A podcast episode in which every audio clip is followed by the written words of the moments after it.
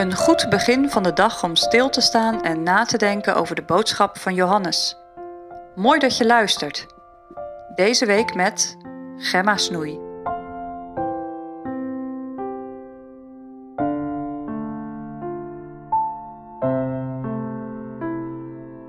Het teken van de doeken. De podcast van deze week behandelt de opstanding van Jezus. Dagelijks denken we na over tekenen die Jezus achterliet om de waarheid van zijn opstanding te benadrukken. Deze dag gaat het over het teken van de doeken. Het Bijbelgedeelte van vandaag is te lezen in Johannes 20, vers 5 tot en met 10. En als hij nederbukte, zag hij de doeken liggen. Nochtans ging hij daar niet in. Simon Petrus dan kwam en volgde hem en ging in het graf en zag de doeken liggen. En de zweetdoek, die op zijn hoofd geweest was, zag hij niet bij de doeken liggen, maar in het bijzonder in een andere plaats samengerold. Toen ging ook de andere discipel daarin, die eerst tot het graf gekomen was, en zag het en geloofde. Want zij wisten nog de schrift niet dat hij van de doden moest opstaan. De discipelen dan gingen wederom naar huis.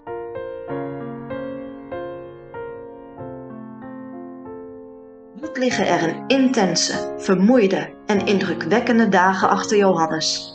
Er is zoveel gebeurd. Lazarus werd door Jezus uit de dood opgewekt en leeft weer. Jezus vierde met Johannes en de andere discipelen het Pascha. Tijdens die paasmaaltijd bleek Judas een vijand te zijn. Jezus werd die nacht opgepakt, veroordeeld, de volgende dag gekruisigd en hij stierf. Hij werd begraven in een tuin in het graf van Jozef van Arimathea. Toen volgde de Sabbat. En zojuist kwam Maria Magdalena vol emotie bij het huis waar de discipelen ook waren, om te zeggen dat het lichaam van Jezus weggenomen is. Nu is Johannes met Petrus op weg naar het graf van Jezus. Zijn meester, die hij zo lief had, is overleden en begraven. En volgens Maria is zijn lichaam weggehaald. Wat een verdriet en wat een vragen geeft dit. Als ik me in Johannes probeer te verplaatsen, dan denk ik dat hij emotioneel helemaal op is. Ik kan me indenken dat hij bij het graf wil zijn, nadenken, rouwen, zijn hoofd ordenen. Johannes begreep op dat moment nog niet wat het doel van het sterven van Jezus was. Het was ook bijna onmogelijk om alles te volgen en te begrijpen.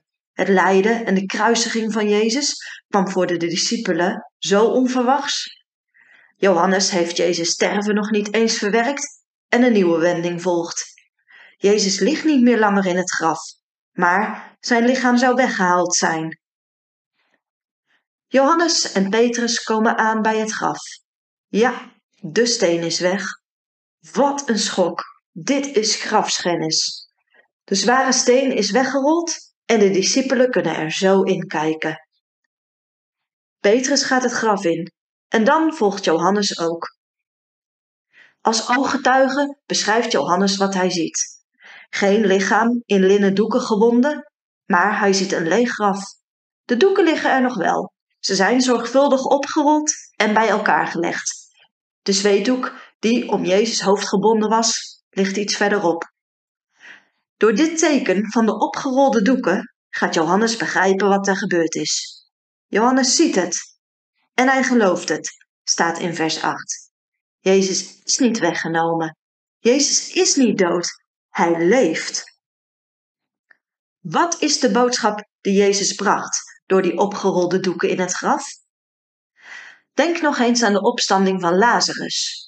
Op Jezus' machtwoord werd de dode Lazarus levend.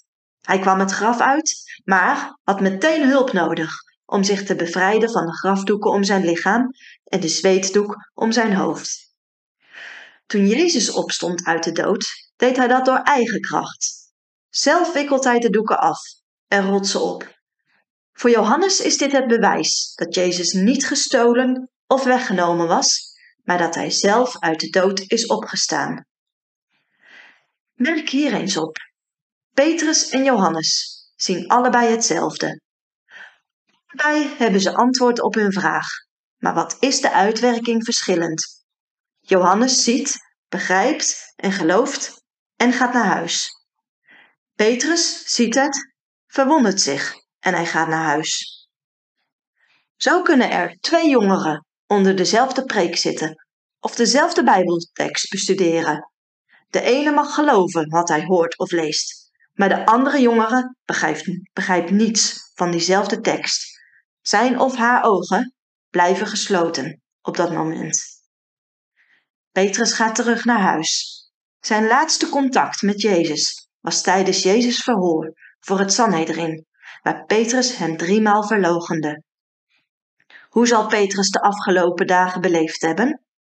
Hoe zal Petrus naar dat open graf gekeken hebben? Al spoedig op die dag heeft Jezus Petrus persoonlijk opgezocht. De Heer is waarlijk opgestaan en van Simon gezien. Wat geloof jij van het teken van de weggerolde steen en de samengevouwen doeken? Wat heeft het lege graf jou te zeggen?